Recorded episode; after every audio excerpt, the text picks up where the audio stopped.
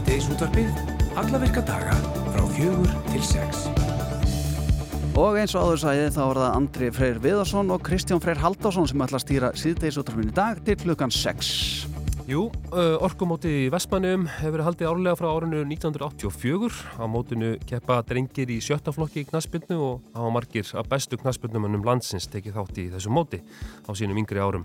Sýteis útarpiði sendir vitaskuld sinn fulltrúa á mótið og við treystum engum betur heldur en Gunnudís okkar til að grípa boltan á orkumótinu. Það er vel við hæfi í upphafi helgar og það sem að sumadagurinn eini er á næsta leiti að minnst aukvæmstuði fyrir okkur hérna sem hér sitjum uh, að fá til okkar eðalgest úr suðrætni Sveiblu. Bókumil Font fagnar nefnilega um þessar myndir 30 ára ferli með amalsúkaðu blödunar ekki þessi leiðindi á Vínil, hvorki minni minna. Bókumil sjálfur mæti til okkar og ræðir stílinn, stemninguna og 30 ár af Bókumil. Mambo stemning. Já. Já, uh, í ymsum bladagrinnum, textum og tali hafa skingur oft borðið á góma en þá er gjarnan rætt á gildishlaðin háttum konur sem eru oftast gagginheiðar, stífmálaðar í efnislitlum fötum og vel byrgar af brungukremi. Samfélagsmiðla frettakonan Ingun Lára Kristjánsdóttir, hún segir okkur allt um uppruna skingunar. Já. Og við ætlum að bregða okkur aftur út í viðei og fá til okkar hana Björk Bjarnadóttir, umhverfis og þjóðfræðing sem ætlar að taka á móti börnum og fjölskyldun þeirra í náttúrugöngu á morgun lögadag. Og uh, það verður flettað saman þjóðsögum sem að tengjast einni og uh, náttúruskoðun. Og við kannski nýtum dæki verið og spyrjum Björk hvort að hún hafi velt sér uppur Jónsmessudögginni í einni fyrir viku síðan. En hún var hérna hjá okkur mitt að ræða það hérna, ræða Um uh, já, þetta, þjó, þjóðsögurnar og, og uh, orkuna í steinunum og júrtónum og guðum á þetta hvað. Hlaka til. Já. Við höfum svo ásamt hlustendum fengið far upp á síkastið með þeim Steini skóladóttur og, og Jóhanni Alfreð um hljóðvegi 1 núna síðustu vikur og hér síðan fylgjum við Steini allavega á vestasta tanga Íslands, nefnilega Látrabjarg mm -hmm. en þar yðar alltaf fuggli framann af sumri hver snös og stallur er það setin. Steini tekur fugglana fyrir vestan, tali. Akkurat og uh, við líka erum svo heppin að vera komið með uh, steininni á, á línuna. Steini, ertu þarna hjá okkur?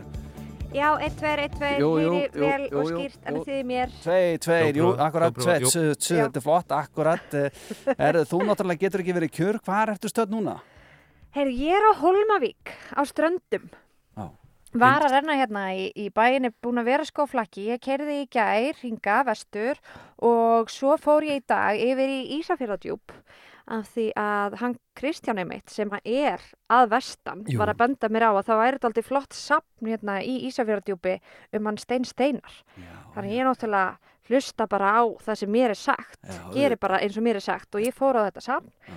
og svo fyrst ég var komið þáka þá gæti ég nú ekki hægt þannig að ég kerði alveg út að mörkunum á Strandabegð og Ísafjörðabæ Já. sem er hérna hjá Drángjökli í dalnum Kaltalón og djöfull var það kalt. Hú, Já, já, það er rosa kaltur dalur þar maður. Já, það er best, það er best hannig Steini eh, fyrir hlustundur rásarinnar sem eru búin að vera að fylgja ykkur eftir og hlusta á þig og Jóhann eh, flakka hérna fjóruðungan á milli e, hvernig mm framkvæm þetta? Ert þú til bara ein núna að keira með þín dæki eða ertu með aðstóðar fólk í kringu þig? Sko, síðustu helgi þá fekk ég aðstöðar konu með mér. Núna þá er ég bara ein og ég er eitthvað svona hugsa, mun ég missa vitið af því að vera ein að keira út á landi? Um, kemur í ljós, Já. ég veit það ekki. Það er ennþá þarna, heyrðist mér, allan ennþá Já, Steini, hvernig er, finnst þér orkan svona þarna fyrir vestan? Hún er náttúrulega mögnuð þarna á ströndum og hún er mögnuð sko. Það er náttúrulega þessi galdra orka hérna Já. og maður sér einmitt að það eru þessar rúnir og bara það er haft svona þeir bera mikla virðingu fyrir því hérna á ströndum og mér finnst það svo skemmtilegt sko að það sé ekki bara einhvern veginn svona krotað yfir það. Þetta er náttúrulega stór partur af sögun okkar einhvern veginn. Í guðunabænum færðu svona varlega bara hérna Já, en ég get ekki lofa neinu af því ég er að missa vitið af því ég er ein muniði. Já, já, akkurat. uh, ég man hindi lægi frá honum Helga Björns uh, þegar hann keirir á landrófir frá Mývatni og Kópasker þá var hann að segja frá því að hann var með alls konar gummilað þetta millir sætana gott að hann var ekki að tegja sig í, í, í hérna hlaupánsa eða hlaup eða eitthvað svona á, á rúndinu sko. Eh, hvernig er þetta í þér steini? Hvað ertu með eitthvað svona til að narta í? Heyrðu, ég er búið með einn póka af bingokúlum Mm. og ég er langleðin að vera búin með eitt svona póka af hérna sk skulli, þannig að sænska já. nammi sem er sko vegan, Akkurat, svona gummi sem já. er samt vegan. Já, það er mjög Vá. gott, Þannig að- það er mjög gott. Eh, Það er gott Já. að blanda saman uh, lakrísskuleinu uh, með saltinu utan á við sætari, Þa, það fyrir vel undir tönn. Ú, ok, heyrðu, kannski því. ég búið með þennan póka og fæ mér bara tvo nýja. Já, já. Já, þú færður samt ekki það. langt á þessari orku steinið, það er kannski gott að huga að fá sér smá harðfisk og svona eitthvað og já. prótein Ég er og... líka með harðfisk Nú, já, já. bílnum. Já, Það er flott. bara fyrir ekkert rosa vel saman, ég er ekki Nei, að fá mér það á sama tíma. Nei, við þurfum ekki að neinar ágjur að þeirra en hvernig er þetta með að því að ég man hérna fyrir nokkrum mánum síðan þá var mikið kvartað yfir því hérna og samfélagsmiðlum á Íslandi að e, túristar var að leggja bílum út í kanti og taka eftir myndir af lúpínum ertu búin að vera varfið eitthvað slíkt? Sko, ég stóð með að því fyrir bara svona þremur mínútum að þá var einhver sem var búin að stoppa bílinn á miðjum vegi. Segi. og ég bara flautaði Já, af því að ég, mér fannst ég að rétt á því að flauta, af því að þetta var stórhættulegt náttúrulega, þetta er stórhættulegt. En svo samt um leiðu ég að búin að flauta þá myndi ég að ég hefði gert nákvæmlega sama bara kannski hálftíma áður, bara á öðrum vegi. Já. þannig að ég er líka hræsnari Nei, nei, eh, farin að vala í stóru orðin en, en hérna það er gaman að heyra í þér Steini skúladóttir og, og uh, bara já, við sömulegis Kristján segjum bara góða ferð. Já, Já, takk Og fyrir hérna- það. Ég ætla að taka stöðuna hérna á ströndum um helgina, Já. verð með Rúnari Róberts á morgun og hinn Já, uh, og ætla að fjallum allt það besta og mesta Já. og bara halda áfram að nota þessi stóru orð og þú verður að segja mér að gera það ekki. E, í og frábærasta á ströndum. En hvert líkur leiðin já, Steini? Þú ert að fara norður fyrir á strandir eða ert að fara, Já, ég- það segja, ég er að fara upp í- í Ísverðdjúp? eða? Ég er að ætla að fara upp í Arnesrepp á morgun. Vá, Það er hérna landsmót bifhjólamanna Ah. og svo líka sko það er eitthvað hlaup og það er búið að núna sko plata mig til þess að keira einhverja hlaupara upp í Djúpavík. Já, er það ekki Uh, það vantaði dræver. Nei, sko, svo þau getur hlaupið tilbaka. Já, já. einmitt, einmitt. Þetta er magnaðasta svæði finnst mér á, á landinu bara hérna, svo engan annars í halla hérna, Já, ánæsreppur og hérna norður á stöndum þetta er hérna, þú har gott í vendum já. Já, Mm. Steini mín, og það er þurrt, þannig að það er, það er fyrir öllu. hann er að hanga þurr flottir, gott að heyra uh, fara samt sem aða varlega og gaman að heyri þér og, og góða skemmti fyrir vestan Takk Steini Sjöfumlegis, takk fyrir það. Bless, bless. Bless, bless. Bless. Er ekki svona flauta á fólk út í kanti, er það ekki eitt bara svona gúmorinn bara úr bíl? eða Hvað, hvað, Jú, hvað það er svona að vera að rétta Já. löngutöng eða eitthvað slíkt, er það ekki? Jú, ég myndi halda það Já. uh, því að hún er farin frá okkur þá ráketum við tökum þetta hérna fyrir.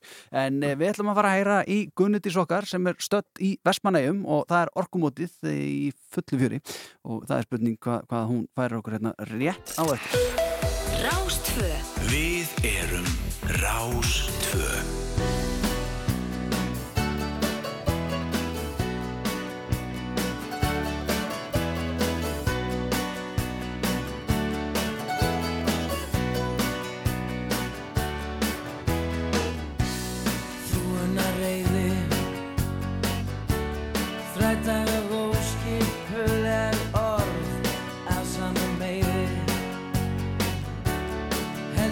begin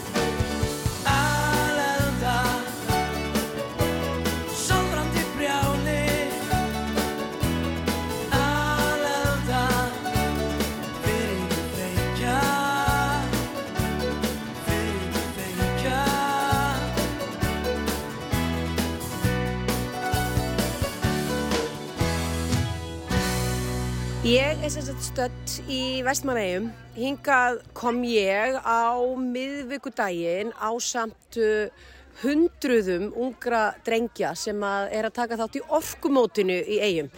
Þetta er náttúrulega árlegt mót og fyrsti mótstagur var í gær og ég veit til þess að áttu einhverju erfitt með að sopna á miðugudagskvöldinu en uh, ég vona að flestir hafi sofið vel í nótt og voru vel þreyttir eftir góðan dag hérna í gær þar sem að menn voru að takast á. Og ég stend hérna núna uh, við Herjólfshöllina og er að horfa bara hérna inn í Herjólfsdal. Hérna glæsilegt uh, knaspitnu svæði þeirra eigamanna og ég komi með manneskuna sem að Ég tekur hitan og þungan af þessu öllu. Hún heitir Sigriður Inga, kontur Sælublessuð. Sælublessuð. Sigriður, ef við byrjum bara aðeins á tölfræðinni, hva, hvað eru í raun margir strákar hérna núna? Það eru tæplega 1100 strákar sem eru á mótunni í ár. Það eru 108 lið frá 35 félögum. Þannig að þetta er hérna, með þeim stæstu mótum sem við höfum haldið. Þetta lítur að krefjast rosalega mikils skipulags. Já, þetta tekur alveg nokkra mánuði undirbúning. Og maður hugsa um það, veist, það þarf að finna öllum þessum drengjum svepstað, það þarf að skipulegja alla leikina og það þarf að gefa þeim að borða og svo eru náttúrulega alls konar skemmtanir og annars líkt. Hvernig fer maður að þessu?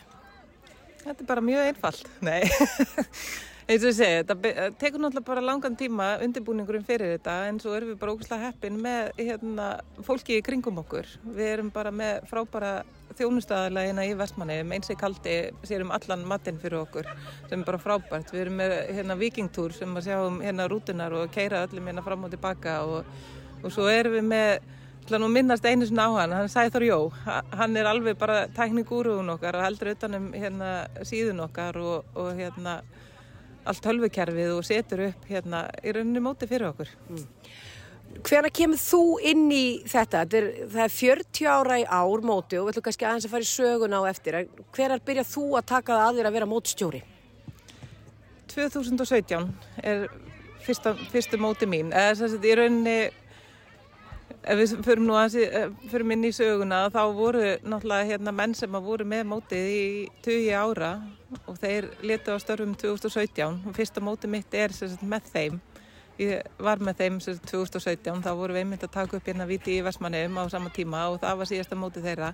Þeir heldu utanum það en ég var svona eins og grár köttur í kringu að fylgjast með öllu sem þeir gerðu. Þannig að í rauninu var ég ekki mótstjóri mótsins fyrir 2018 Og þetta lítur að vera bara full vinna eins og þú segir í einhverja mánuða undan. Já, þetta er alveg bara mjög góð vinna bara taka á móti umsóknum og, og raðu upp og búið til mótskerfið og eins og þú segir setja upp alla leiki og, og raðu öllum í gistingu, fá gistiplás og útbúa matseðil og taka á móti öllum þeim sem eru með mataróþölu og onna með skipilegi allt fyrir þá. Þetta er alveg bara, þetta er mjög mikil vinna í kringum þetta. Og svo upplifum að á strákonum og með þess að foreldrum líka, það eru margi foreldrar sem hafa komið yngað á mörg svona mót og jáfnvel foreldrar uh, þá sérstaklega feður sem að hafa bara upplifað það að spila á þessu svo kallega tommamóti og þessi strákar er að koma yngað og þetta er bara eins og þessi að taka þátt í HM í knaspinu. Já, þetta hefur bara verið þannig frá upphafið þannig að Við núna höfum bara marg, orðinu nokkra kynnslóður sem hafa upplegað að koma enga á mótið okkar og, hérna, og keppa og það er bara frábært. Við, þeir sem voru hérna á fyrstu árunum eru glónir afar núna þannig að mótið hefur náttúrulega, hefur náttúrulega alveg tekið breytingum á þessum 40 árum en grunnirinn er alltaf svo sami þannig að það eru allir að upplifa í rauninni það sama. Förum aðeins í söguna. Þetta byrjar já, 1983 þá. Nei, 84. 84 fyrir geði. Já. Já. Og segð okkur aðeins bara hvernig þetta hefur þróast. Sko það var hann Lárus Jakobsson heitinn sem að hérna átti upphafið af þessu móti og að mér skilst að hann hafi verið búin að alveg úthugsa þetta í góðan tíma áður en hann segir frá þessu við félagasina í tí sem að helt móti hann til að byrja með. Og hann hafði bara verið með full mótaði hugmynd svo bara kom hann með þetta, heyrðu, svona ætlum við að gera þetta. Og það bara fylgdu allir honum og hann stjórnaði þarna allt fangið til hann lést 1995 að við minnir. Þá var hann bara höfðingin og sá bara um allt skipulag og allt og allir gerðu bara það sem hann sagði og þeir félagar hann sem að voru með honum í þessu þannig fyrstu árin, þeir heldu svo áfram allt til ásins 2017 og heldu í allar þær hefði sem að hann vildi hafa á mótinu. Þannig að móti hefur svolítið svona er alltaf með sama sniði. En auðvitað hafa orðið breytingar. Fyrstu mótin þá var fólk bara að koma hérna á þriðidegi og var að fara heim sko á, á mánudag þriðidag þá byrjaði mótið á miðugudag og kláraðist á sunnudag þá vorum við með herjól sem að sildi bara eina ferð á dag þannig að þetta var alveg bara viku ferð hjá þeim sem voru hérna sem lengst En hvernig er það núna, hvernig gengur bara hér út í eigu, veistu hvað íbúafjöldi markfaldast mikið, svona sirka þessa daga sem að þetta móti er? Ég myndi alveg gera ráð fyrir að hann tvöfaldist. Hér búa um 4400 manns held ég og við erum með eitthvað um 12, hátt í 1200 þáttakandur með hérna keppmyndum, liðstjórum og farastjórum og svo fylgir annað eins bara með fóruldrum. Við stöndum hérna núna, Sigriður, í blíðu, myndi ég segja. Í gær var svolítil vindur, það var svona, það var svona dúnúlpu veður kannski gær. Fólk var hérna í Goritex og dúnúlpum og það var svolítið kallt því að blés. En áðan þá sá maður í bláan heimin og það sér í bláan heimin núna. Þeir hljótið, er það hlýtur að hafa gengið á ímsu uh, bara veðurlega séð, bara eins og gengur og gerist. Og hvernig hefur verið brugðist við því þegar að, já það getur nefnt einhver dæmi þar sem að allt fór, já bara til anskotans. Uh, við höfum nú verið ótrúlega heppin síðustu ár en ég man eftir því hérna áður fyrr að þá ringdi svolítið mikið og þá var, þá var mótið aðeins öðru, þá var líka innanhúsmót og þá skiptu þeir oft á dögum eða spáði betur daginn eftir og þá höfðu þeir innanhúsmótið þann dag sem að vestaspáin var. Þá var þessu svolítið snúið við bara dagskráni. En síðustu ár höfum við bara verið ótrúlega heppin. Ég man einu sinni eftir því að við höfum þurft að hérna, aflýsa nokkrum leikjum eftir hádegi og lögadegi vegna þess að það ringdi eld og brennistein og það var allt komið á flott. En, en eins og ég segi, undanfærin ár höfum við bara verið ótrúlega heppin. Við byrjuðum náttúrulega núna með smá róki á miðugundaginn þegar allir voru að koma og í gæri var hérna svolítið rigning og smá vindur en bara núna í dag er bara geggja fótboltaviður og verður enda betra á morgun. Þetta er dáselt allt saman. Ég er auðvitað að fara að hleypa þér uh, aftur uh, að sinna þínum störfum en það nóg um að vera hérna í dag og á morgun því þá eru, hvað er þá úslita leikinir eru á morgun? Já, eftir hátegi á morgun. Þetta er spilast þannig að það spiluð allir þrjáleiki í, dag, í gær og þrjáleiki í dag, svo spiluð allir þrjáleiki fyrir hátegi á morgun og eftir hátegi eru svo hérna úslita leikir.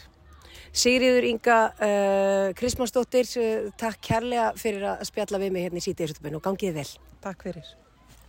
Og nú er ég komin hérna í stúkuna og hér er maður sem að kefti vantilega sjálfur á þessu móti. Hann heitir Pálmir A. Pálmarsson og hefur nú verið, já, atvinnumæður í knaspinnu. Uh, Pálmi, byrjaði þú þinn feril hér á tómumótinu? Nei, reyndar ekki. Ég fekk ekki að fara þetta mót, því miður. Hvernig stóð því? Já, við völsungarnir erum langt í burtu og erfitt að fara og, og það var ákveðið að taka önnu mót í staðinn. En þú ert að upplifa móti núna hérna með sinniðinum. Já, ég er að lifa þetta í gegnum hann. Hvernig er svo tilfinning? Hún er erfið. Hún, hún, er, hún er upp og niður. En, en hérna, við þetta er bara ógislega gaman og stundum erfitt og, og stundum létt og stundum létt yfir mönnum og stundum þungt yfir mönnum. Þannig að þetta er bara eins og lífið. Já, það eru mjög stóra tilfinningar, maður sér það á vellinum hjá náttúrulega börnunum sem er að takast á við það að, já, takast á við mótletti og annað slíkt og svo sér maður að það eru margir foreldra líka sem að taka úslit mjög næri sér. Já, þetta er, hérna, þetta situr, það er líka þungt á, á fóröldrunum sérstaklega.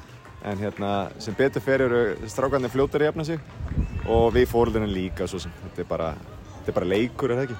Er þetta fyrsta móti sem þú kemur eitthvað til eiga sem foreldri? Nei, ég var nú eldri strák sem að hefur verið hérna áður og hérna, og þannig að, en svona fyrsta heila móti, jú, vissulega.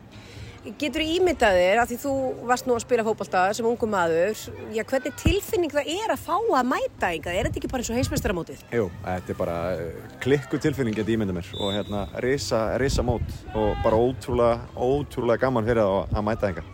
Verður eftir sjá að, já, eigi ekki aftur möguleika að koma á þetta mót sem foreldri ef þetta er setna barnið að keppa núna? Já, vissulega sko, en svo getur maður bara kannski reynda að hlaði eitt viðbót og, og eiga eitt mót inni. Já, það er alveg þessu virði. Það held ég að ljóta vera. Herru, takk fyrir spjalli, ég ætla að leipa þér aftur á leiknum. Sumulegist, takk. Strákar, hvaða liður þið? Vikingur. Og hvernig er búið að ganga? Mjög vel. Er þið búin að vinna einhverja leiki? Alla. Alla. Rústöllum. Rúst öllum. Nei, ekki alveg. Og hver er að fara að keppa næst? Um, Salfosseldi. Nei, afturöldingu. Afturöldingu. Tvö. Og hvað er búið að vera skemmtilegast hérna í eigum?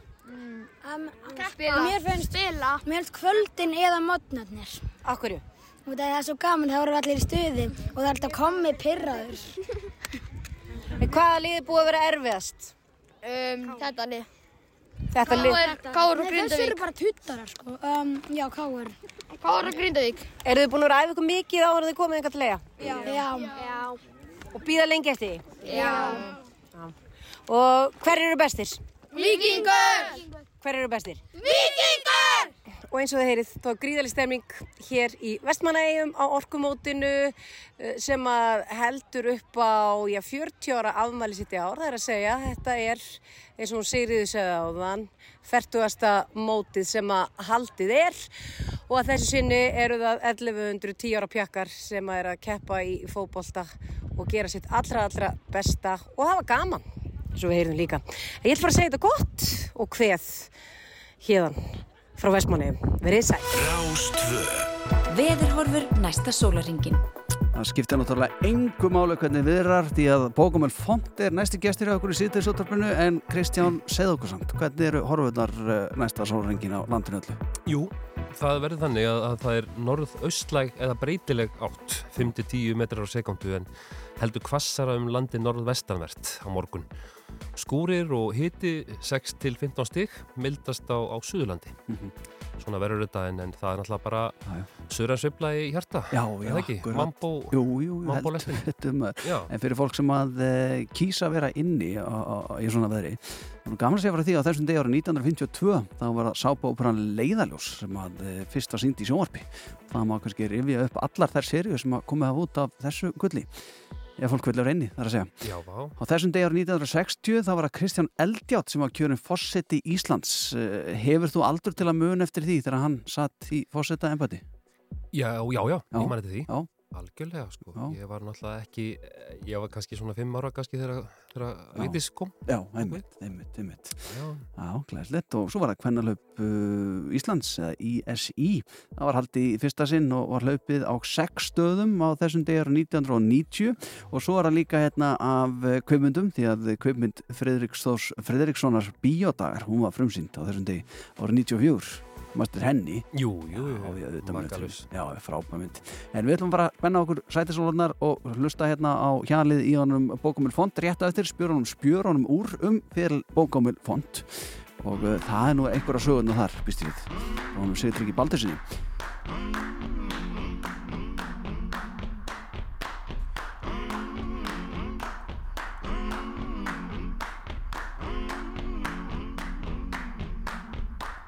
I'm gonna need someone to help me. I'm gonna need somebody's hand. I'm gonna need someone to hold me down. I'm gonna need someone to care. I'm gonna rise and shake my body. I'll start pulling out my hair. I'm gonna cover myself with the ashes of you, and nobody's gonna give a damn. Son of a bitch, give me a drink.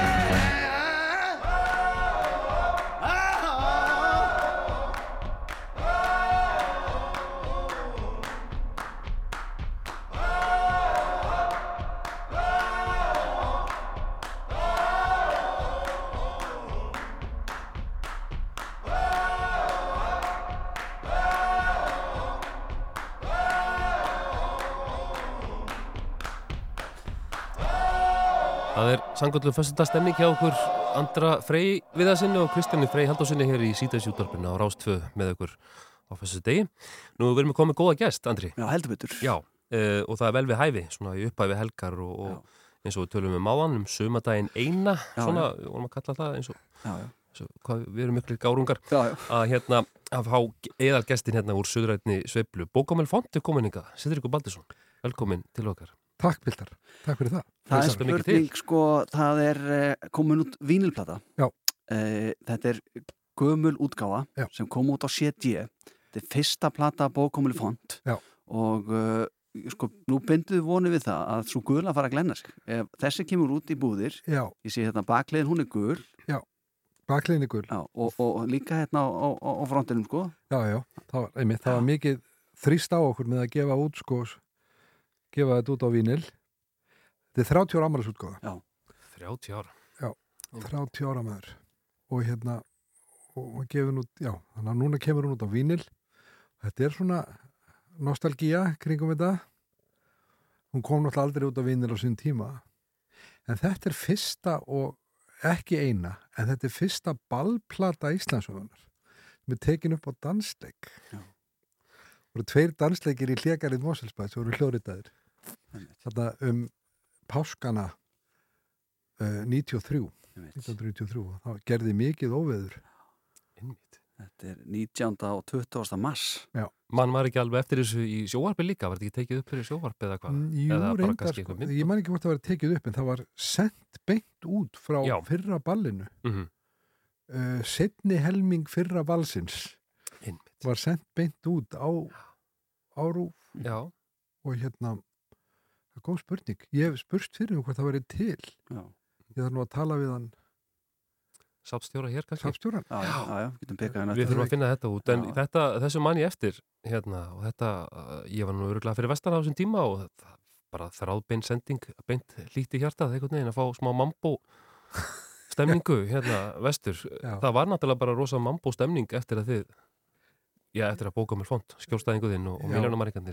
Þetta var svona sko, svolítið prívat grín millir mín og nokkra félaga sem sprakk svolítið andlitið á þetta var eins og hafa svona verið, verið með moltu haug sem sp springur. Nei, það, hérna slæm líking en þetta var svona smá grín sem var gert vegna þess að ég, maður átti ekki bót fyrir borin á sér þegar maður var búin að klára segumálatúrin síðasta. Mhm. þá var nú ekki mikli peningar þar og voru búin að eða því allir fyrirfram. Blessaðir mólandir og, og hérna, já, þá var hérna hendi í svona pappaband með nokkrum félögum. Og, og það var náttúrulega enginn að gera sko svingmúsik og mambo sem pub, menn voru bara að syngja hérna kondu í kofan minn er kvöldaskikja með, með kassagítar á pappanum en þetta var svolítið svona ferskur andblærin í pappa grínið sko á þeim tíma Já. Og þið var náttúrulega líka mikill stíli yfir ykkur þegar þeir komið fram og svona. Jú, við gengum náttúrulega, gengum þetta alveg út sko, vorum alltaf klættir upp og klættir í jakkafötum og svona eins og Jólasson er sko Já. og hérna og jú, jú, vorum með svona pottaplöndur á sviðinu stundum og svona vorum að reyna að búa til smá stemningu sko, Mhm. kringum þetta og, og það, það gekk að vel sko, þetta varð aldrei vinsælt þetta band þannig að sömarið 92 þegar við byrjum að gera þetta sko og svo að um haustið að þá fer ég út á tónleikaferðala með mólunum síðasta tónleikaferðalagi okkar með Með U2? U2 Mhm. í bandaríkanum það var hann hverju ferð hjá okkur Já. og eftir það að þá tekur við bara heilmikið spilamennska hérna og ársatíðum og mikið stöðu sko og svo tökum við upp að strákunum langaði að gera plötu sko en mér langaði, ég sá nú aldrei fyrir mér fyrir mér þá er þetta bara svona glorified coverband sko Mhm. Mér fannst, fannst við eiga að vera að gera plötu sérstaklega Nei. svo fekk datt mér þetta í huga það getur nú verið gaman að gera svona ballplötu bara taka upp svona böll sko því við vorum oddir hansi góðir í því að spila á böllum og láta fólk dansa þannig að það var varð úr að við gerðum þessa ballplötu og hún var þannig skemmtileg komið þetta gestir í heimsókt sem trilluðu með okkur og Já. Þetta, bættum aðeins í Já.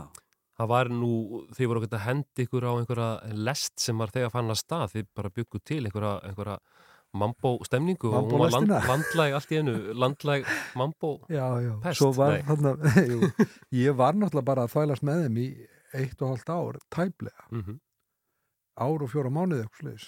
Svo var ég bara farin út í bandaríkjana og þá tók við svona aðrar og fleiri útgáfur af þessu bandi sko. Já.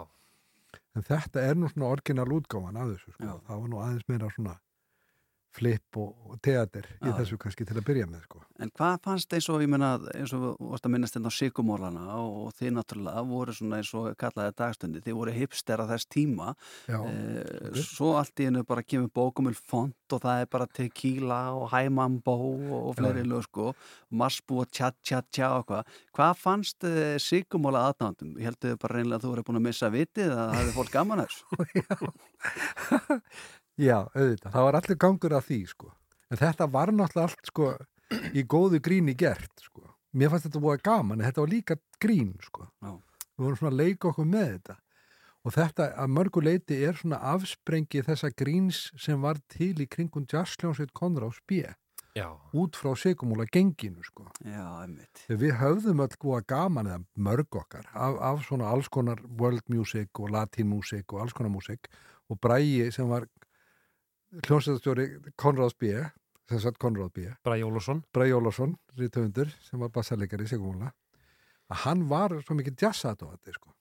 og að finna við þetta er að ég meina mörg okkar inn í, að mistóttu ég og hann vorum aldrei að hlusta á sko indie rock. Nei. þó við værum í hljómsett sem flokkaðist undir indie rock þá voru, ég meina ég hlustaði aðalega á svona world music og hann var algjör jazzhaus hlustaði bara aðalega á, á jazz sko, Mhm. svona klassískan jazz mest Já. Sko, uh, platan er 30 ára gaman, gömul og þess vegna kemur þetta út á vínil og uh, er komin í verslanir eða hvað er, það að dreifa þessu akkur? Já, já, þetta er komið, komið í búði Já, já. En hvað á að fylgja þessu eftir? Á að koma fram?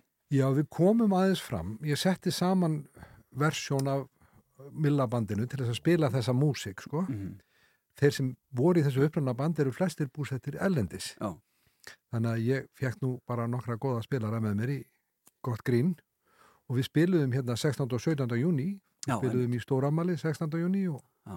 og 17. júni spiluðum við á, á hérna, í hljómskólagarinn Já, í hálftíma Já. og það var rosalega gaman því að og við höfum hugsað okkur að ég mitt að halda ammalist tónleika Í lekarið? hlekarið Mósulbæ Já. Aldrei. það er minningin sko, gera það núna bara setni sumar sko. Já. Þannig að það bara fer að bresta á með, með hérna gulum viðvörunum Já. mambo stemningu í landanum Blessunulega, blessunulega og við fylgjumst að sjálfsögðu spennt með þessu hérna í síðdeisóþarpinu og uh, já, verða hinnir eins og segir, það er nokkrar útgáfi nokkur sem hafa svona leitt uh, þessa sveit uh, fá að sjá Pál Óskar og Stefán Hilmars poppa upp á svið og ég á ekki vona því Nei, nei, nei, þú vilt eiga þetta sjálfur Já, Þetta er bókomil, sko. Já, þetta er bókom þetta er bara bókumil Já. og millarnir sko. Já, já. þessi fyrsta plata Já. og ég er svona að leika mér bara með það eitthvað í sumar Akkurat. og kannski eitthvað fram á vetur ef, Já. ef eftirspurn verður til en, en Já, hérna við ætlum bænum að gera það. ha, Það gerði það endilega. já, Já. ég, það er menningin sko Já, en svo er náttúrulega, það er margt annað í gangi ég er með mörg önnur, önnur hérna játni í eldinum akkurat. að gefa út líka hérna uh, majónushjólin Já, í haust já, Já, já. og svo er ég með nýja hljómsveit sem heitir Pattan já. sem verður betur sagt frá síða það er leinivopn sem kemur út í, í september Dásanlegt. Það er alltaf einhvað. Já, Sigtryggur Baldursson uh, eða Bókomil Font, uh, takk kjærlega fyrir komuna í sýtisótafri. Við ætlum að heyra lag af þessari plötu hérna rétt á eftir og uh, það er Hæ Mambo að því við erum búin að tala svo mikið um Mambo og þetta Já. er nú einu svona stílinn sem er í gangi hérna á þessari plötu sem er aftur komin út, komin í Vestlanir, ekki þessi leiðindi heitur hún, Bókomil Font og Millanumæringarnir til hamingi með 30 ára amalið. Takk fyrir komuna. Ertu á rafbíl? Þá marg borga sig að vera félagi í FIB. Kynntuðu kostina á fib.is. Síðdeis útvarpið. Hæfileg blanda. Frá fjögur til sex á Rás 2.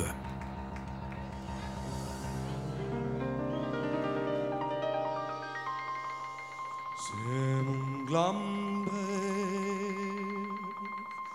Ég aftur snýr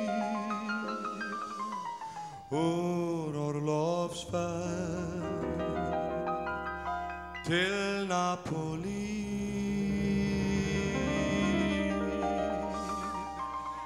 Fríðari hvergi þar Leit hvenna fann Þótt kynni ég hvorki þeirra dans.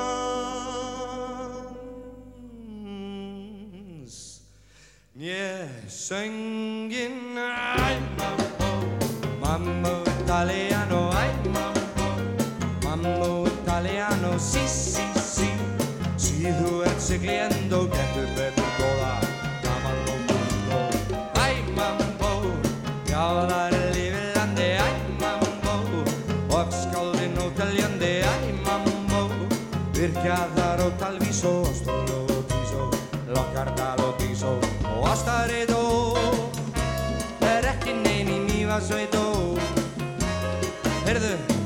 vantar kaupa kona, kannski ef ég vona Að þú kemur inn með mér á eila drófu Veðjar á æ mambo, mambo italiano Æ mambo, mambo italiano Hó, hó, hó, haust er hættir slátt og gátt og dátt. í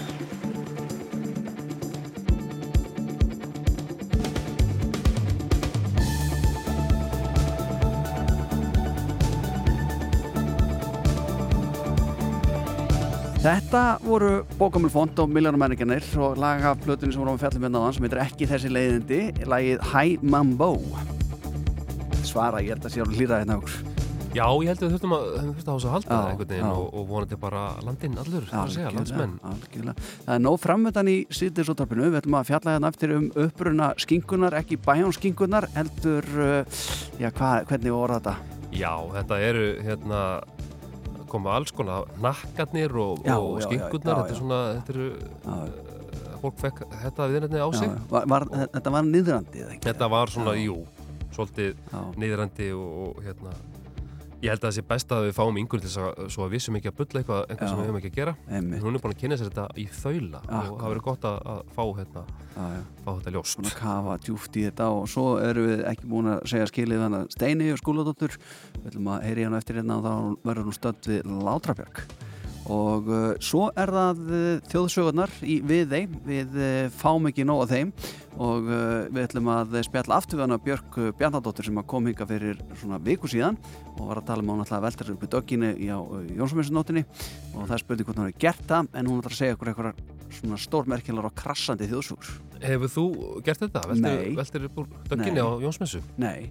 Sko það er, hérna, þetta ger ég árlega sko, ég er nefnilega, er Er- Jónsmessu barn. Já, já, já. Ég er fættur 23. júni sko, þannig að ég fer alltaf bara hérna, hann er ekkert viðeigandi, ég bý í hlýðanum sko, Það alltaf þjætt byggð og svona, Já, en það já, já. bjart á þessum svona nótunni þarna líka Jú, sko. jú, Já. jú, akkurat. En hvernig er húðin? Fer hún vel? Já, jú, er öll- öllum jú, jú, jú, algjörlega. Hún sagði okkur þannig að björga þetta það læk, lækna öll húð, húðmein bara. Jú, jú, Já. akkurat. Þeir eru aðalega kollagen og svo náttúrulega Jónsmessu döggin. Einmitt, einmitt. Við ætlum að leipa fréttastofana þess og höldum við Hillur í bíla, rými.is Við hlökkum til að sjá ykkur á Írskum dögum og Akranesi um helgina, efnagreining EHF Akranesi. Prófaðu Midgard restaurant Kvolsvelli. Símaveski, símaveski.is, Smáralind. Ósramperur, bílanust.is. Asics Nimbus meiri dempun, ný upplifun, Sportís. Corolla Yaris Igo, betri notaðir bílar Toyota Kauptúni. So on, útsalan er hafin, so on.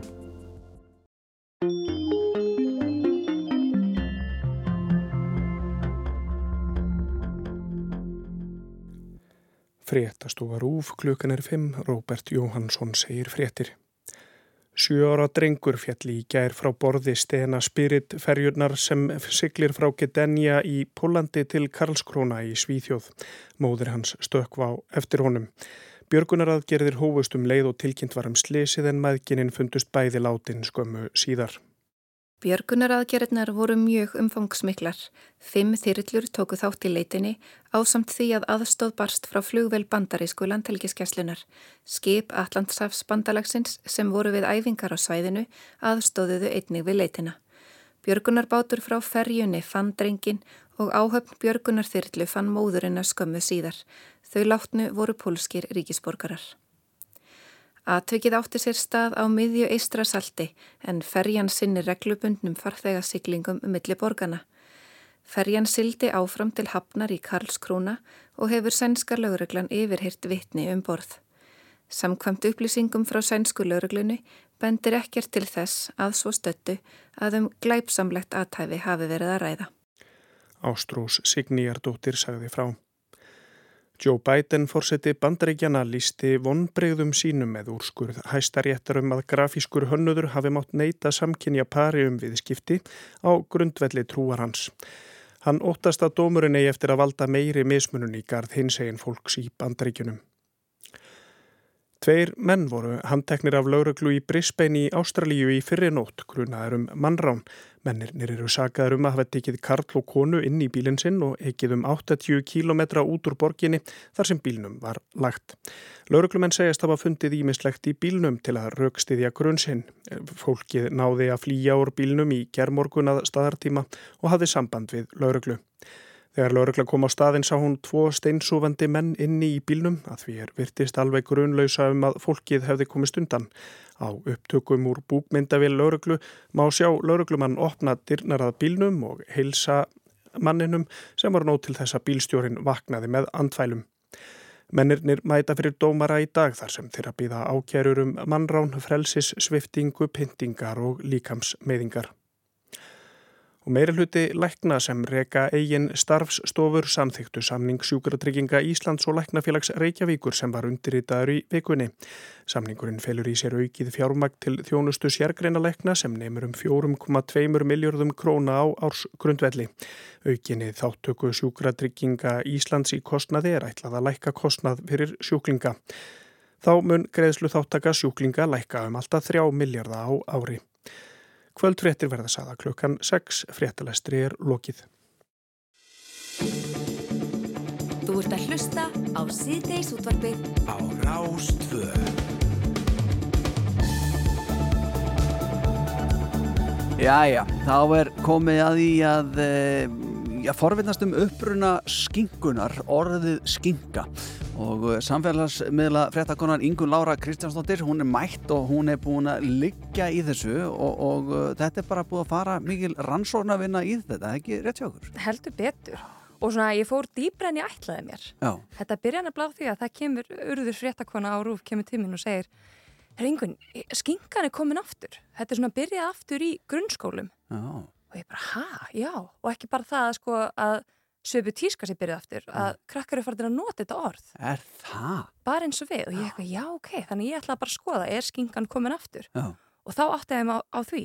Já. það er enginn búin að skoða uppruna skinkunar hvar byrjar hún Mhm. en auðvitað er þetta mismunandi eftir sko svona kynsluðum eins og ok, Já. þegar þú heyrir skinka Já, já. hvað, svona, hvað dettur þér í hug? Já, ég ég haf svo langt sem ég hef heyrt orðið sko þegar ég svona sá þetta fyrst sko þú voru að að rannsaka þetta þá held ég alveg vorum að tala um skinkuna sko sem er borðum sko en, en svo, svo náttúrulega sko ef maður sjálfur að þeirri kynsluð og, og, og, og var svona í þessari kreðsu og Mhm. þetta er neikvætt orð Já, þetta Það er niðrandi já, En svo er það, þú talar um krakkana í dag að þau eiga það til að taka orð sem að voru notuð á, svona þegar maður var yngri eins og Mhm. hellað Einmitt. það var, það, hellað er það, það er eitthvað sem er slæmt sko. það, er, það, er Mm. alveg, það er allt í rugglinu eitthvað er hellað sko. Ok. og hann var finni hérna sem oft við priki, ég held að hann eigi það og uh, það var allt hellað einhvern veginn ef allt var í rúst sko. en svo allt í nú kom það aftur og þá var það notað á góðanátt þá Já. var eitthvað alveg hellað sem er gott einmitt, ég tengi mitt frekar við eitthvað svona jákvægt eitthvað sem er hella Já. Og svo Já. meiri svo kom að Siggi Gunnars hérna, ægilega kátur í vinnuna fyrir ekki lungu síðan þá var hann stattur uh, á höfn og uh, þar kom einhver ungur maður til hans og sagði við hann að rástöð væri að slappa Ó, og, ja, en það er gott Ó, ok. Já, og þá sem Siggi hann fekk svolítið fyrir brjósti sko, en svo bara, herðu, neða, þá, þá, þá er það gott orð sko.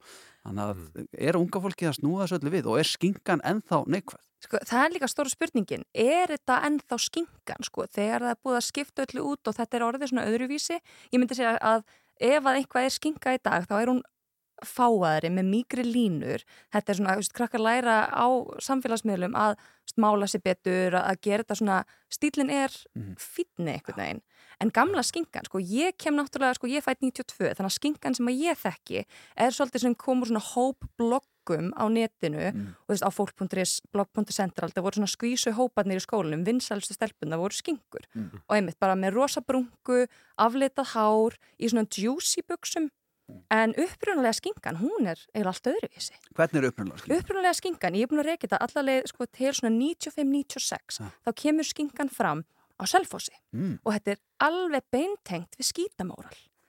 Þarna er svona, þetta er svona grúppjumenningin, þetta eru krakkarnir sem að mæta á skímótónleikana og einmitt þá var ljósabekkjanótkun mjög vinsæl meðal einmitt aðdóndahóps skímó. Já.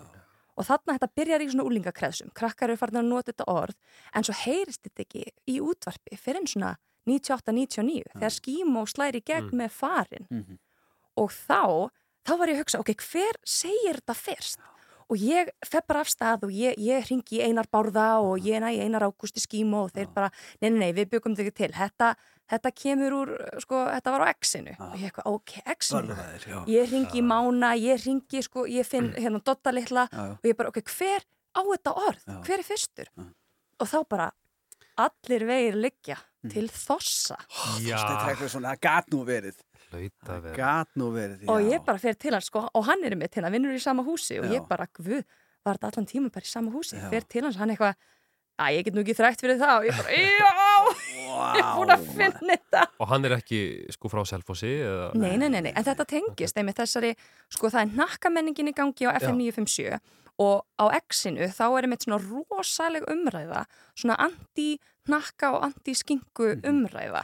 Þú kannski þekkir þetta betur. Já, ég var þarna á þessum tíma mitt og, og hérna, en e, þetta er allt í móðu en ég man, ég man allavega að það var já, þetta voru mjög niðrandi orð og gætna notað um uh, já, þetta fína fólk sem að vann á, á uh, svona sýsturstöð X-ins sem var FM 97 FM sem var 97. bara hinu með vekkin og, Já. og hérna var bara besta lið og ég held sko ég gæti alveg ímynda með það að þetta hefði komið uh, til af ákveðinu öfund. Mhm. að því ég held alveg partíin sem að þetta fólk var í var aðeins meira fancy og, og, og svona meiri bóði og skemmtilegra heldur en hjá okkur sko. Já, ég meina skingunar voru svolítið svona, þetta er, þetta er fólk sem er að, er að að halda samfélaginu saman, heldur partíin, þetta Já. Mhm. er einmitt tengt svolítið svona að vera aktíft í sósjálífinu og, og einmitt sko skinkan, ég held að þetta hafi haldið aftur á mörgum konum, mörgum stúlkum sem að vildu bara sko vera skvísur fá svo þennan stimpil á sig, nei þú ert, þú ert skinka. Mhm. og ég verði ekki, ég held að ég hafi notað þetta orð skinka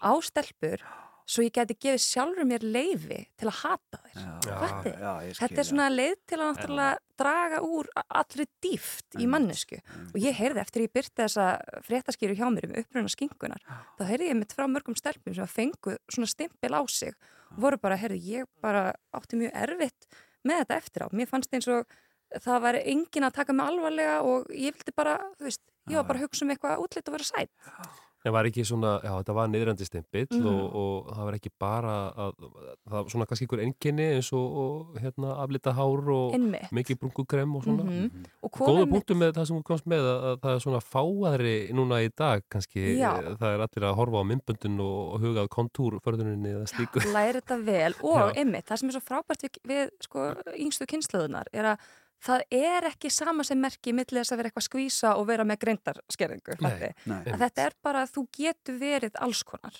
Og það, mér finnst það svolítið flott. Ætla að segja einhver tenging uh, að því að þetta er nú, að því við erum að tala um self og svona í þessu Mhm. samhengi og, og það svæði, það er alltaf slátu fyrir Suðurlands Mhm. og það er verið að búið til skingu fyndi fyrir að þú segir þetta því Það að þegar ég var að skoða þetta þá heyri ég mitt frá fyrirrandi skingum sem segja þetta var svona pent orð, ég held að Erpur Eyvindarsson hefði bent mér á þetta, að þetta var svona pent orð í staðin fyrir svín.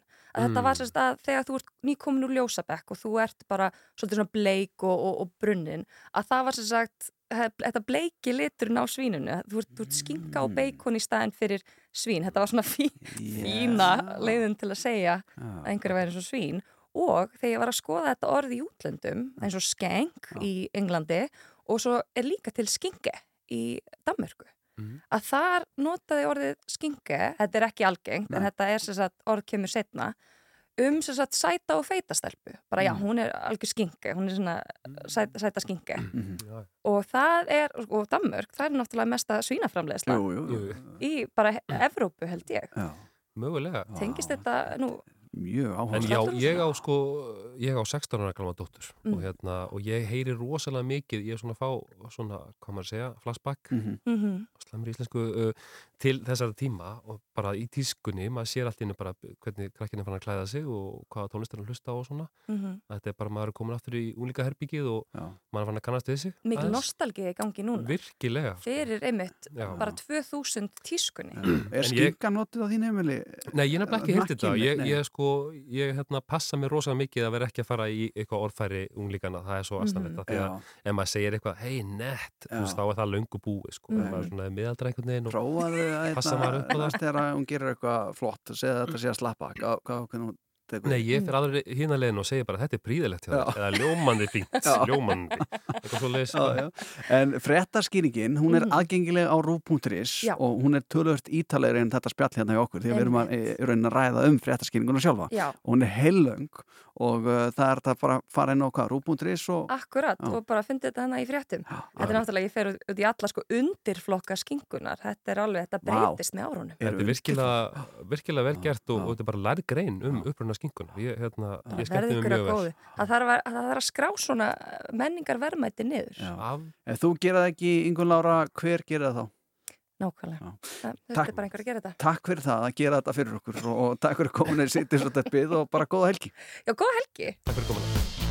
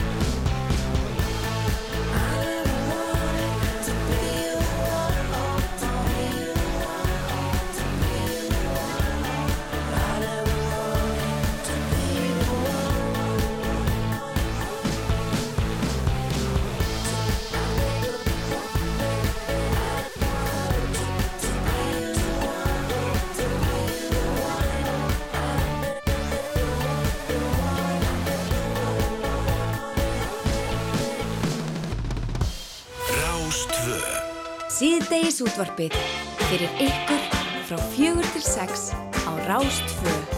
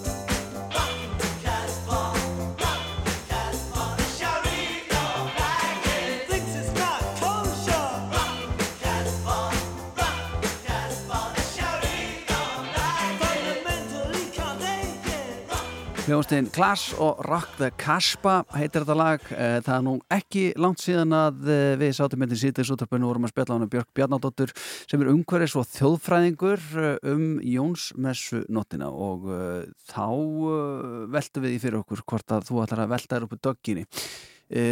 Stóra spurningin er rauninni bara svo, gerður það? Ég verða viðkynna, ég gerði ekki því það var búið svo mikið rigning og mér var svo kallt eftir hérna gönguna kom svo seint heim eitthvað um hálf tvö um nóttina en eigimaður minn hann hendi sér upp í brekkuna Já. og rúlaði þannig og sagðist ekki að ætla að býða neitt eftir mér Og var hann ekki allur annar? hann var algjörlega nýr maður um Já. morgunin Það er svo nýbúið að taka á hann plastið? Já. Eitt smá flottur.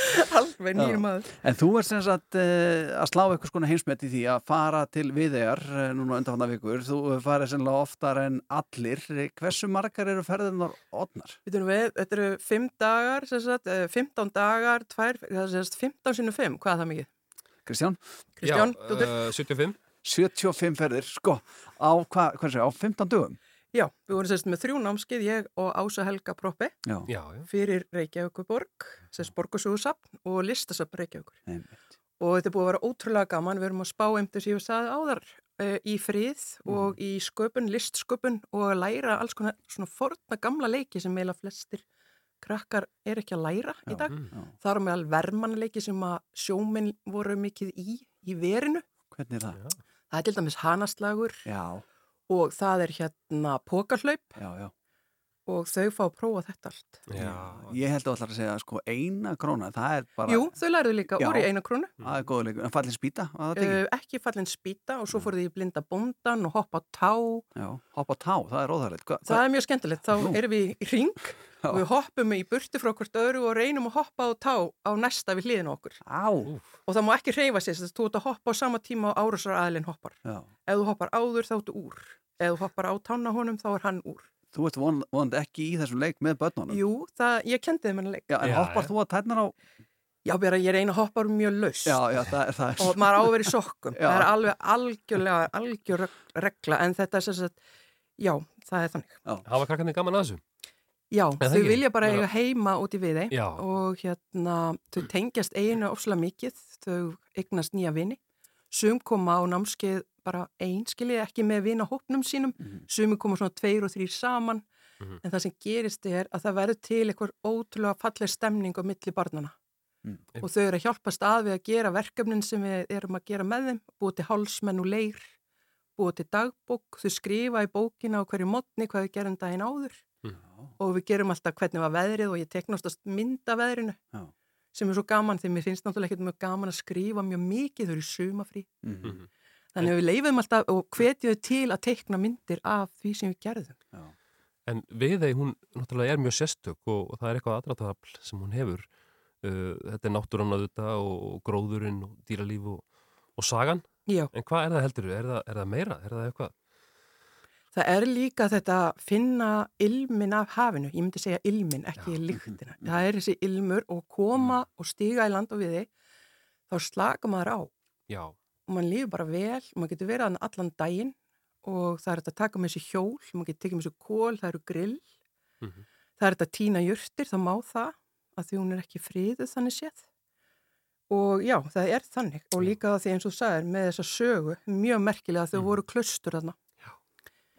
Og hérna, já, það myndi ég segja. Já. Er reynd, heldur það? Ég held að skúli sé þarna. Nei, er hann fúll? Já, ég held að hann sé alveg full að vera ekki lengur inn á meðal okkar og ég er búin að segja á krakkana að ef það var einhver sem ég myndi vilja fá að hitt úr fortíðinni og væri á skúli. Skúli Þóruðsson. Skúli Fógeti. Skúli Fógeti. Skúli Magnús. Skúli Magnús. Að því að Aha. hann vildi kenna Íslandingum að gera allt sjálfur Já. á þess að kaupa það fyrir útlöndum. Já. Þar á meðal að rekta grammiti. Einmitt. Og hann flutt inn bændur til að kenna þeim að rekta. En Íslandingar hafa alltaf verið að elda og rollurasa og Mhm. ekki kunna að gera geringar. Þannig að þetta var mjög erfitt fyrir bændurnar að vera að rekta grammiti og rollurnar alltaf í garðinum. Já. Þannig að það voru ekkit margir sem að skildi hvað var mikilvægt að kunna að rekta sin eigin mat. Og okkur vanta það svolítið í okkar rætur Já. að kunna að rekta og vinna svo hráöfnið að husti. Já. Það er einhver, uh, það er kúmen sem á að finna þarna í eða ekki. Og það var skúli sem kom að öllum líkindum með það í viði og hann hefur líklega gert sér ferð austur í fljótt sliða sem vísigísli bjó og náði þar í kúmenið og fór með það í viði og það er um alla eigi og það er enginis jurt eigunar. Já, og honum að þakka. Já. það er magnað. Eh, Þú færð vantarlega mikið af skemmtilegum spurningum frá börnum. Manst eftir einhverju sem börnin spyrja mikið út í sem Já, að... í gær var ég spurt tvisasunum að hvort ég hef verið til í gamla dag. Já, varstu það? Já, ég var nefndi að hugsa hvað, ég fætt 1974, ætla það sé ekki gamli dagar byrji þá bara af því að Já, því að ég já. var krakki, þá var ekki sjónvarp í júli og ekki á fymtudögum og ég elskaði það. Við vorum úti alla daga langt fyrir maður nætur að leika og við hurfum líka. Ég hef heyrt frá kennurum sem að fá þessa spurningu, hvenar voru gamle dagar? Hvenar voru gamle dagar? Og mér finnst hérna að það var einhver sem kom með þá lendingu að það væri fyrir interneti. Það er ekkert svo langt síðan. að það sé... Er það ekki frekar þegar sjónvarpi var ekki? Jó, ég meina, þú ert náttúrulega Byrj- þjóðfræðingur, þú veist að betur en Kristján. Ég myndi segja sko, gamli dagar byrja við landnám Já. Og enda kannski þarna þegar þeir hætta, eða sérst, við sjónvarpi. Já. eða, sérst, Þú sumar- nærði alveg í restina. Ég nægi restina á golmundum, já. ég sagði mamma og pappi voru til í gamla daga. Einmitt, einmitt. Eh, margar þjóðsögurnar eh, já, er, hafa gerst í við þau. Eh, hver er svona svæsnasta sagan? Sko það er ekkit svo beint svæsinsaga en það er mál, það er sem saga um Óla Steffensen konfersur of, ég get ekki búið þetta fram. Stiftant? Kon, ég kann, kann, get ekki sagt það og ég viðkenna bara, en hann var sérst svona hérna embetsmaður og hann er að gangi um eiguna og það kemur til hans kona bláklætt með skál fulla eggjum. Hún gefur hann skálina með eggjónum í og hann er mjög gladur og fer með þau heim í viði á stofu. En þá kannast enginn við skálina og það er talið að það sé álfkona sem búi í, í viði. Já, Og hérna, hann trúði því alveg þegar já, fólki sagðist ekki kannast við skálina. já. Heldur þú að hún og skúli sé eitthvað að stinga saman nefjum? Svona í skjólinn endurs? Það, get, það getur allt gerst. Já. Það getur vel verið. Vonum það. Já. En uh, Björg, uh, fyrir fóreldra sem er að hlusta Já. og jafnvel börn í bílum einhverstaðar sem að hafa áhuga á þessu og fara þarna og hoppa á tá og, og læra alltaf þessa leiki og, kynnast uh, friðnum í, í viði. Mhm. Hvernig snýr fólk sér? Já, það er nefnilega þannig að námskeið er ekki, þess, það var dagur í dag Mhm. og það verður auglist aftur næsta vor Já. og þá, er, þá voru margir fóreldrar sem sátu við tölvuna þegar námskeið var auglist og það var uppselt bara á innan við klukkutíma. Þetta er eitt af þeim. Já, og það voru bara margir sem bara bá, byð og byð og það var langur byðlisti Mhm. og svo eru einnig fóreldrarnir búin að byðja um að fá að koma námskeið hjá okkur. Já. Að læra leiki og fá að týna jurtir og búa til listaverk úr því sem finnum í fjörunni. En er ekki annars uh, bara gott aðgengi fyrir fólk almennt að koma, fara út í inn á heimsækjana? Bara svona- Jú, það er mjög gott aðgengi. Mhm.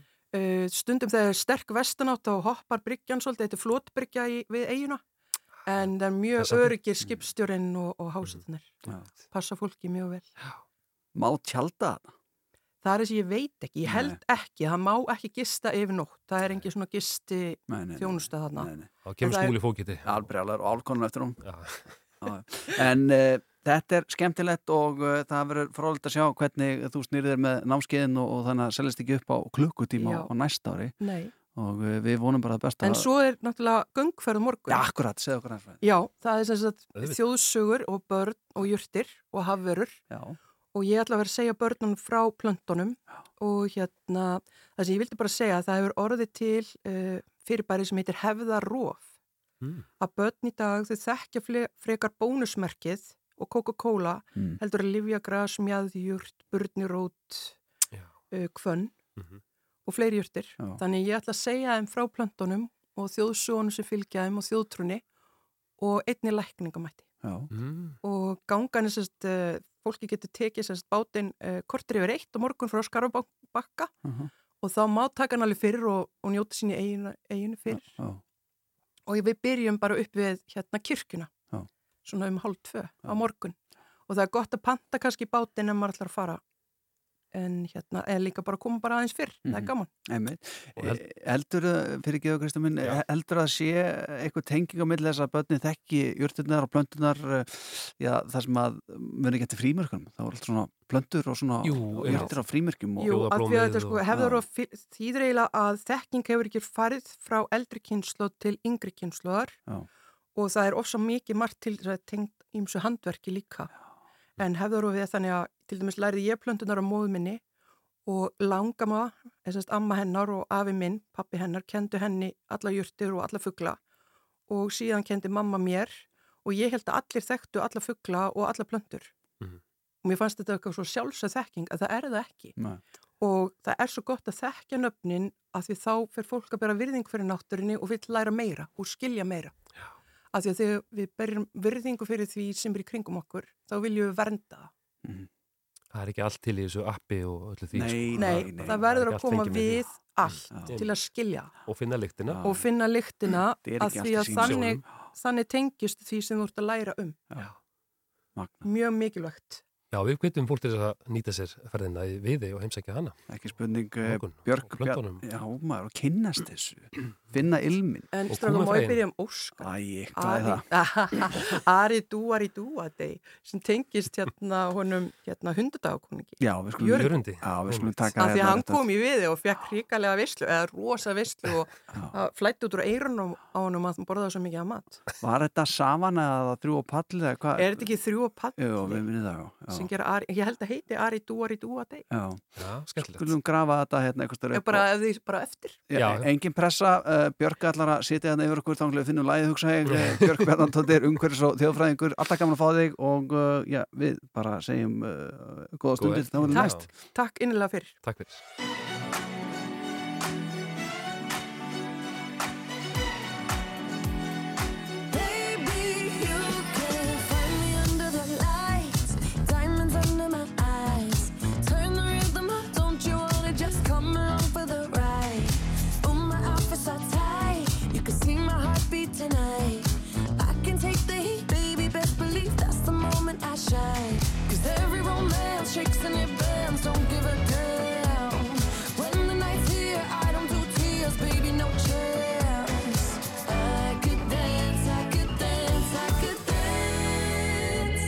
touch me.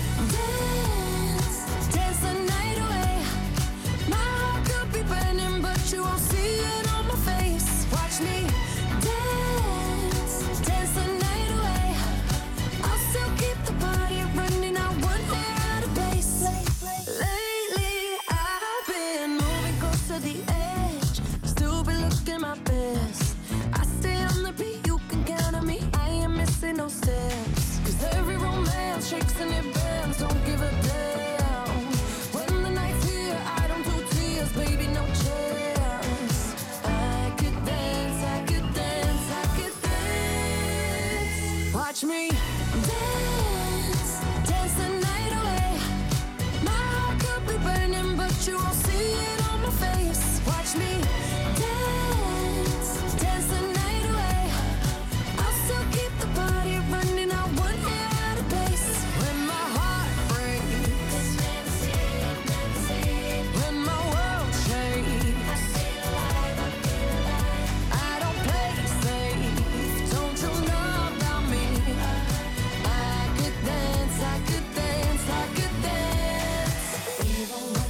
Saplan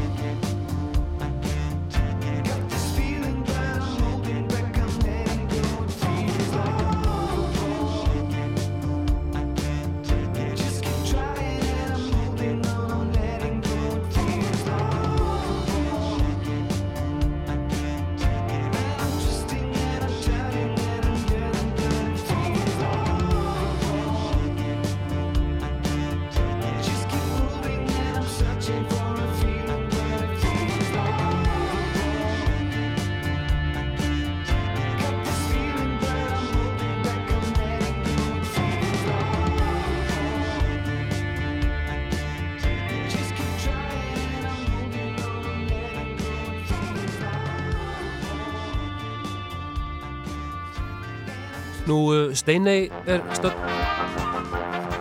Hún er stödd enn á flakki við hljóðvega 1 og, og enn og stödd á hérna, vestasta tanga landsins, Látrabjargi. Við skulum skipta yfir til hennar.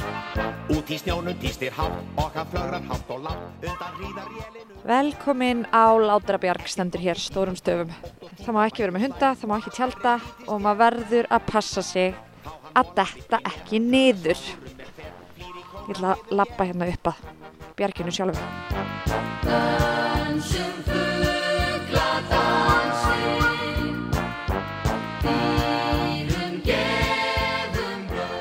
er smá regning og mér skilst vist að mikið af fuglunum hafi farið að veiða í morgun. Nú eru þeir hérna að chilla. Það veiðist örglega vel af því að þeir eru alltaf búin að kúka mjög mikið. Það er mikið kúkalegt hérna. Svona fuglakúkalegt.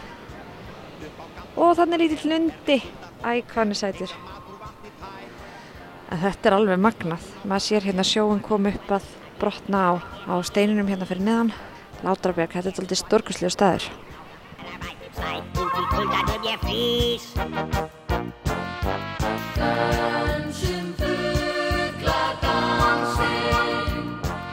ég er búin að finna hérna einn mjög vigalegan mann. Hann er allur út í einhverjum ólum og böndum. Þorkell Lindberg, er það ekki rétt? Lindberg, ok. Heyrðu, ert þú að vinna hérna á Látrabjörgi? Já, ég er hérna núna bara í nokkra daga. Við erum að veiða og merkja fugla í björginu.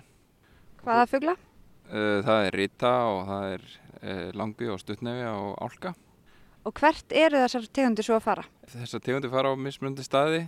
Ritan fer suður í Allsaf og er yfir háveturinn austur af Nýfundalandi. Stuttnefi hann fer vestur fyrir Grænland og langvi hann er meira hérna við landið en fer líka yfir til austur Grænlands og alveg suður á Reykjanesrygg og álkan er svona langmest bara við landið, bara í kringum Ísland. Þannig að þetta er svona aðeins misjandi eftir tegundum hvert að fara. Af því að þú ert í rosalegum búning hérna. Það er alveg bara mjög mikið af böndum sem þú ert vafinn inn í. Þetta er þetta ekki alltaf háska leikur?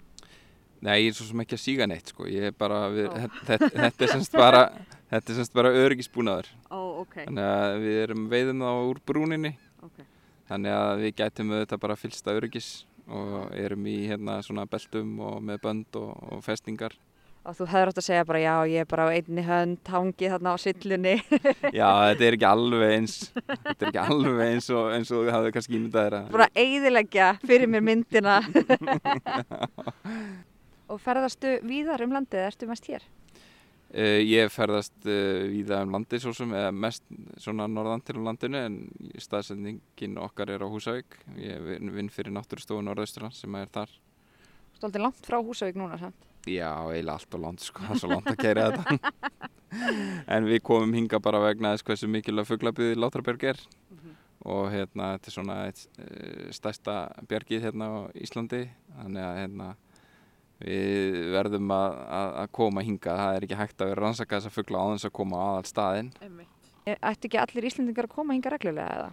Jú, það ætti allir að koma hérna og vera, geta allavega sagt að hafa kom, komið á Látrabjörg, það Já. er alveg lágmark sko. En svo segja, þetta er stærsta fuglabegð á Íslandi og vestasti punktu landsins þannig að maður slær tvær flugur í einu höggi tvo fugla í einu höggi Nei, ok Heyrðu, takk kærlega fyrir þetta Þorkell Já, lítið.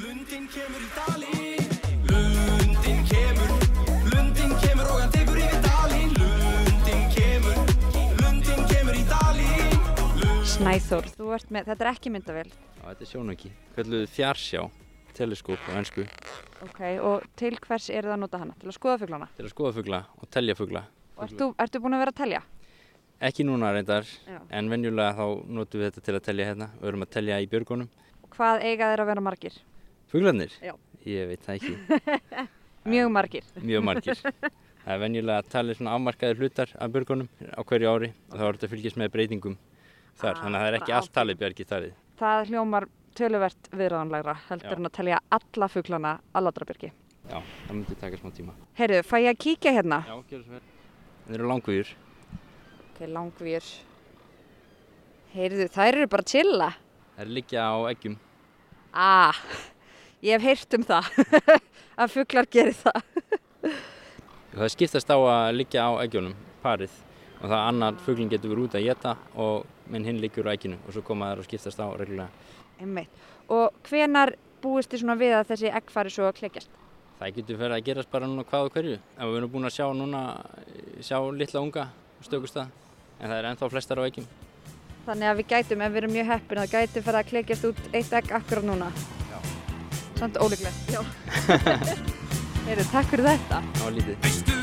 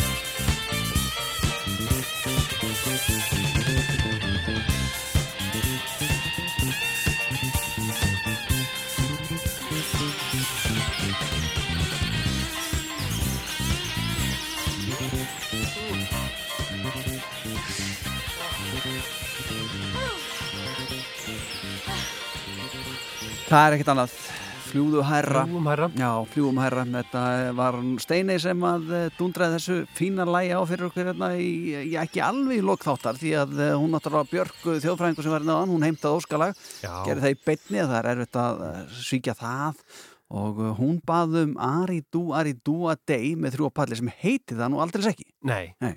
þetta fann ég út. Já. En hefur verið bara að flakka heil mikið í dag, Já, já. sem sagt. En hvað heitir það í raun og veru? Já, sem kongur ríkti hann. Einmitt, einmitt. Við ætlum nú að láta þetta bara loka lægi hérna í síðdeirsöldurinn dag, er það ekki ljúft? Jú, Já.